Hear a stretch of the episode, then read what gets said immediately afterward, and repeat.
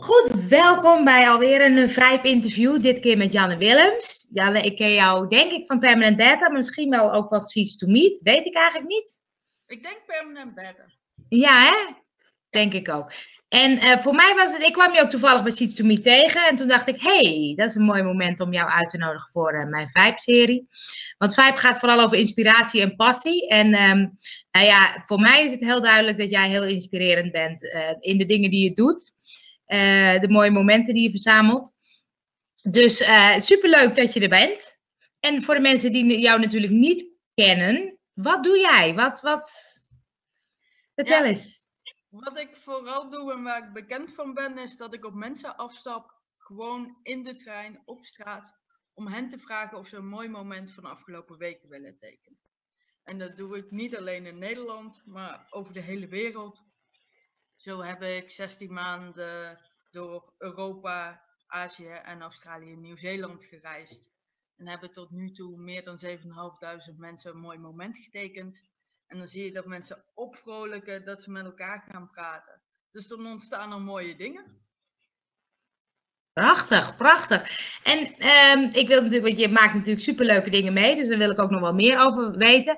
Maar hoe ben je ooit bij dit idee begonnen, eh, op, opgekomen? Hoe kwam je erbij?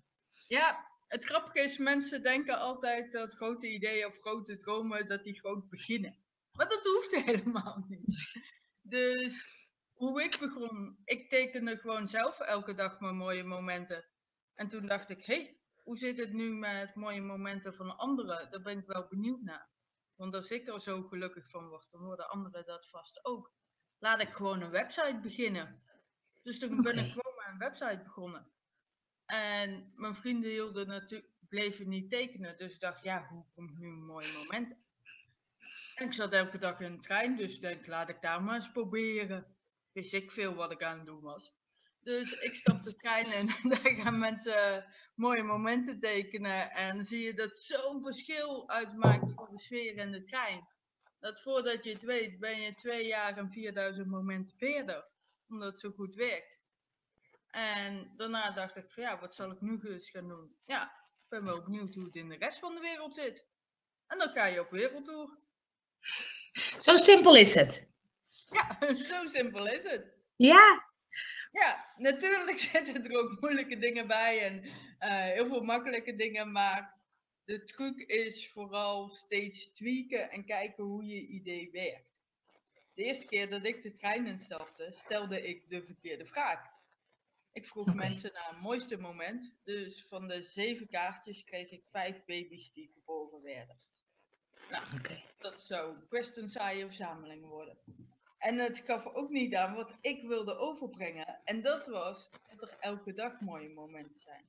ja. Nu vraag ik naar een mooi moment van elke week. Dus dat. Mooi. Ja, want je zegt eigenlijk, ik, ik ben begonnen door zelf momenten te tekenen. Ja. Eh, was het iets omdat je gewoon van tekenen houdt? Of dacht je, hey, dat, dat- hoe, hoe kom je daarbij? Nou, ehm, toen ik ging studeren, toen begon het nog met mooie momenten schrijven. Toen dacht ik, jee, de wereld die is zo gaaf. Dat ga ik niet allemaal onthouden. Dat is zonde. Dus ik schrijf gewoon de mooie dingen op een dag op. En slechte dingen die hoeven niet, want A, ze zijn niet belangrijk. En als ze wel belangrijk zijn, dan onthoud ze toch wel. Dus toen ben ik gewoon dat doen.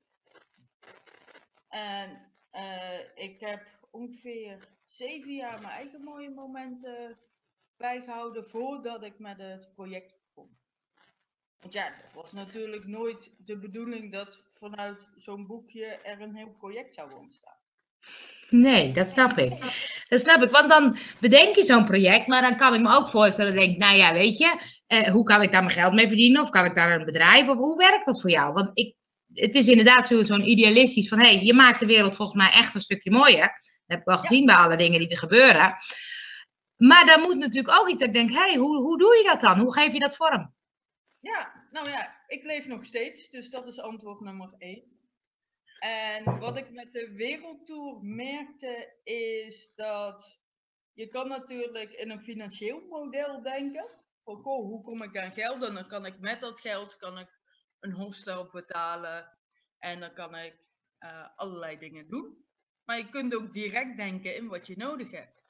Ja. En wat heb je nodig als je een wereldreis maakt? Onderdak, vervoer, eten en een beetje spullen. Dus ik vroeg mensen om onderdak en eh, een beetje spullen en een beetje geld. Maar vooral dat onderdak, dat heeft ervoor gezorgd dat ik bij heel veel mensen terecht kwam. Dat ik veel beter in de cultuur integreerd Ja. raakte en veel meer daarover leerde. Mensen gaven me vaak een maaltijd aan, boden ze me aan, dus dan heb je niet zoveel nodig. En dan kan je Nee. op 5000 euro kun je gewoon anderhalf jaar reizen. Ja, maar hoe kom je dan bij die mensen? En, en hoe vraag je dat? Want het is volgens mij ook durf te vragen-achtige dingen. Ja, ja, het is zeker durf te vragen. En de enige truc, de goede truc met vragen, is dat je nadenkt over hoe kan ik mijn vraag als een cadeautje geven. Dus als ik jou vraag, mag ik 5 euro, dan gebeurt er helemaal niks. Want jij denkt, ja, hoezo, waarom? Maar als ik jou vraag van, hey, wil jij dit hele gave project mogelijk maken? En heb je daar misschien 5 euro voor nodig? Dan is voor jou de win-win Ja. direct duidelijk. Ja, En eh, dat is het dus met vragen. Bedenk hoe het mogelijk is dat die ander er echt voordeel van heeft. Eh, bijvoorbeeld twee maanden geleden was er een conferentie in Australië eh, over geluk. En die kaartjes waren 1200 dollar. En ik wilde daar heel graag heen. Dus ik mailde de, de voorzitter van... hey, eh, gave conferentie. Ik denk dat met mijn verhaal ik een hele waardevolle toevoeging kan zijn. Zo, zo, zo. Ik had niks gevraagd. Komt een mailtje terug, zegt ze... Sorry, voor dit jaar zitten we wel vol met sprekers. Maar het minste wat ik jou kan geven is een vrijkaartje. Dus toen had ik een vrijkaartje voor 1200 dollar. Dus dat gaat nog niet eens om vragen. Het gaat over waarde toevoegen. En dan wordt die waarde Ja. vanzelf wel gezien. Ja, Eh, dus dat is het allerbelangrijkste. Maak je waarde duidelijk. ja. En, hoe doe je dat? Ehm, door te vertellen, maar vooral door te geven. Door als je iemand tegenkomt te vragen waar zij mee geholpen zijn. Ja, Dat is veel leuker dan als ik over mezelf aan het vertellen ben. ja. Want als je dan op reis gaat, hè, want ik weet, je, je, je, inderdaad, je gaat bij anderen logeren, je bent overal en nergens. En dat kan je ook heel goed volgens mij. Ja, Moet ook wel natuurlijk. Ja. Maar dan kom je mensen tegen, maar je gaat niet meteen vragen, oh, ik heb een slaapplaats nodig. Hoe, hoe werkt dat? Nou, eh, de meeste slaapplekken die zijn van tevoren al lang geregeld. Dat is via couchsurfing en dat is een netwerk waar mensen slaapplekken aanbieden. Ja. Dus als je daar die vraag stelt, die mensen vinden dat leuk, omdat Ja. ze andere mensen willen helpen en zo andere culturen binnenhalen. En Ja. interessante verhalen. Dus dan zit je op een plek waarbij dat handig is. En Ja. natuurlijk, af en toe komt het voor dat ik eh, geen slaapplek heb.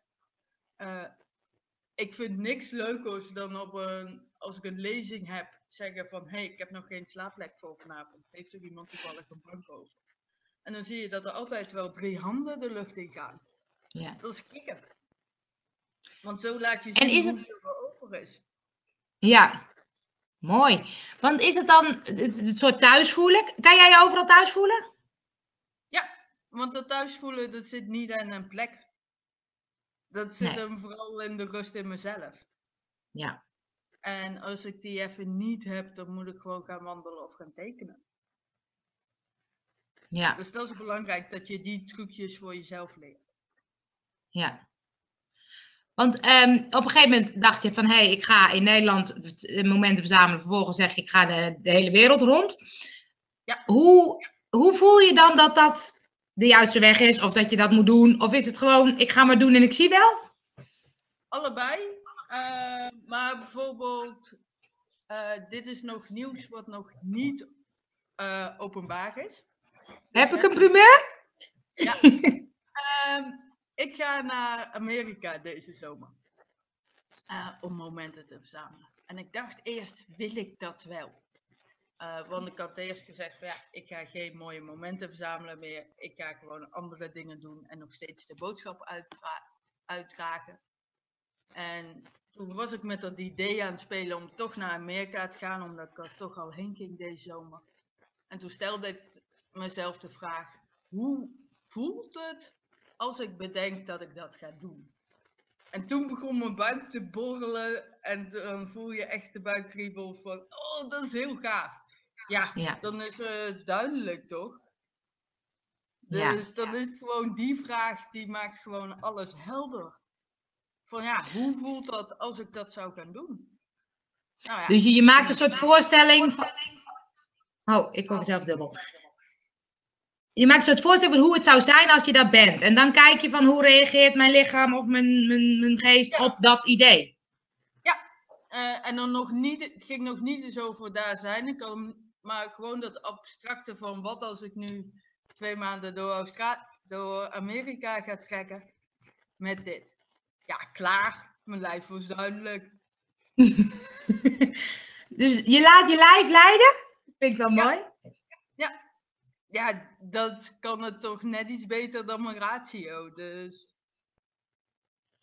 Nou ja, maar dat, dat is het mooie, vind ik, denk ik, bij jou. Want um, uh, die de ideeën zijn soms heel idealistisch. Van hé, hey, het is prachtig om te doen, maar hoe, hoe doe je dat nou? Weet je? En um, ik kan me voorstellen dat heel veel mensen een soort belemmerende overtuiging. Ja, maar dat kan niet, want. En, en die heb jij niet, lijkt wel.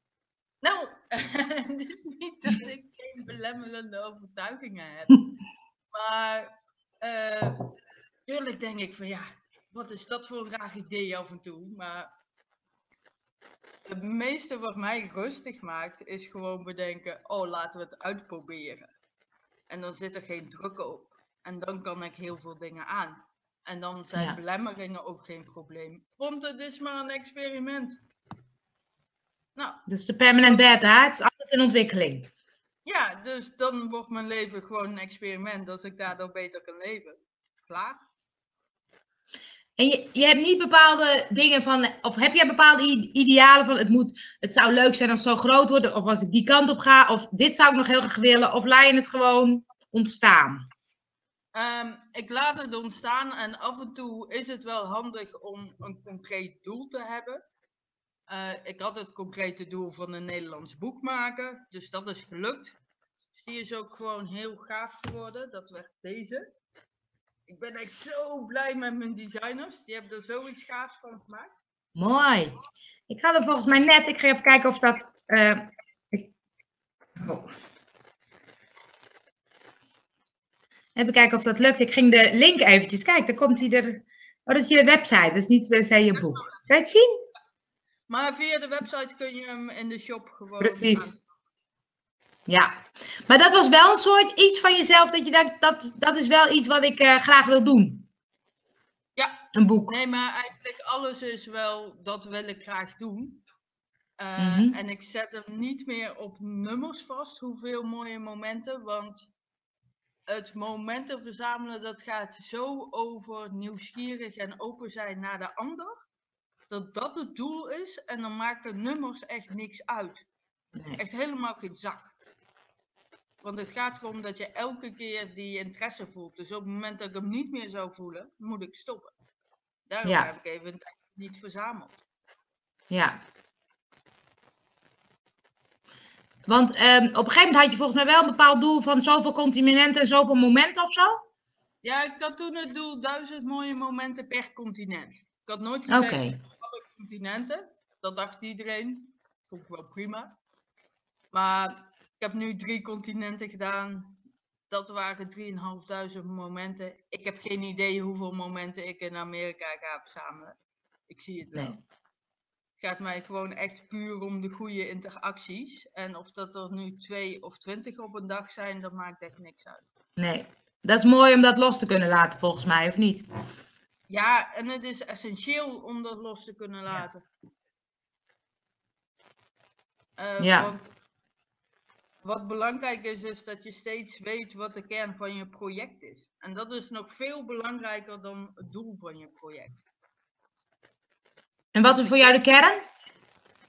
Um, mensen blij maken. En laten inzien dat je door naar je mooie momenten te kijken, je gelukkiger wordt. Dat is de kern. En dat zit hem in openheid en de directe interactie van een vreemde die op je afkomt met een rare vraag. Dus dat is hoe je in elkaar zit. Ja. Wat vinden mensen het een rare vraag? Merk je dat je soms denkt, "Huh, wat kom... Ja, eh, laten we eerlijk zijn. Het is niet vanzelfsprekend dat er een vreemde op je afstapt met een stel kaarten en een stel stiften en zegt: Hey, wil je tekenen? Dat is Nee. niet normaal. Eh, dus dan zie je ook dat reacties af en toe zijn van: Hey, ik kan helemaal niet tekenen. Of wat is dit? Mensen moeten het even inschatten. En dat is helemaal prima. Maar ik heb nooit negatieve reacties gehad. Er heeft nooit heeft me iemand uitgescholden of wat dan ook. Nee. En, en wat zijn de mooiste momenten? Waarom denk je, dit wil ik blijven doen? Of Waarom? voel je misschien? Omdat mooie momenten zo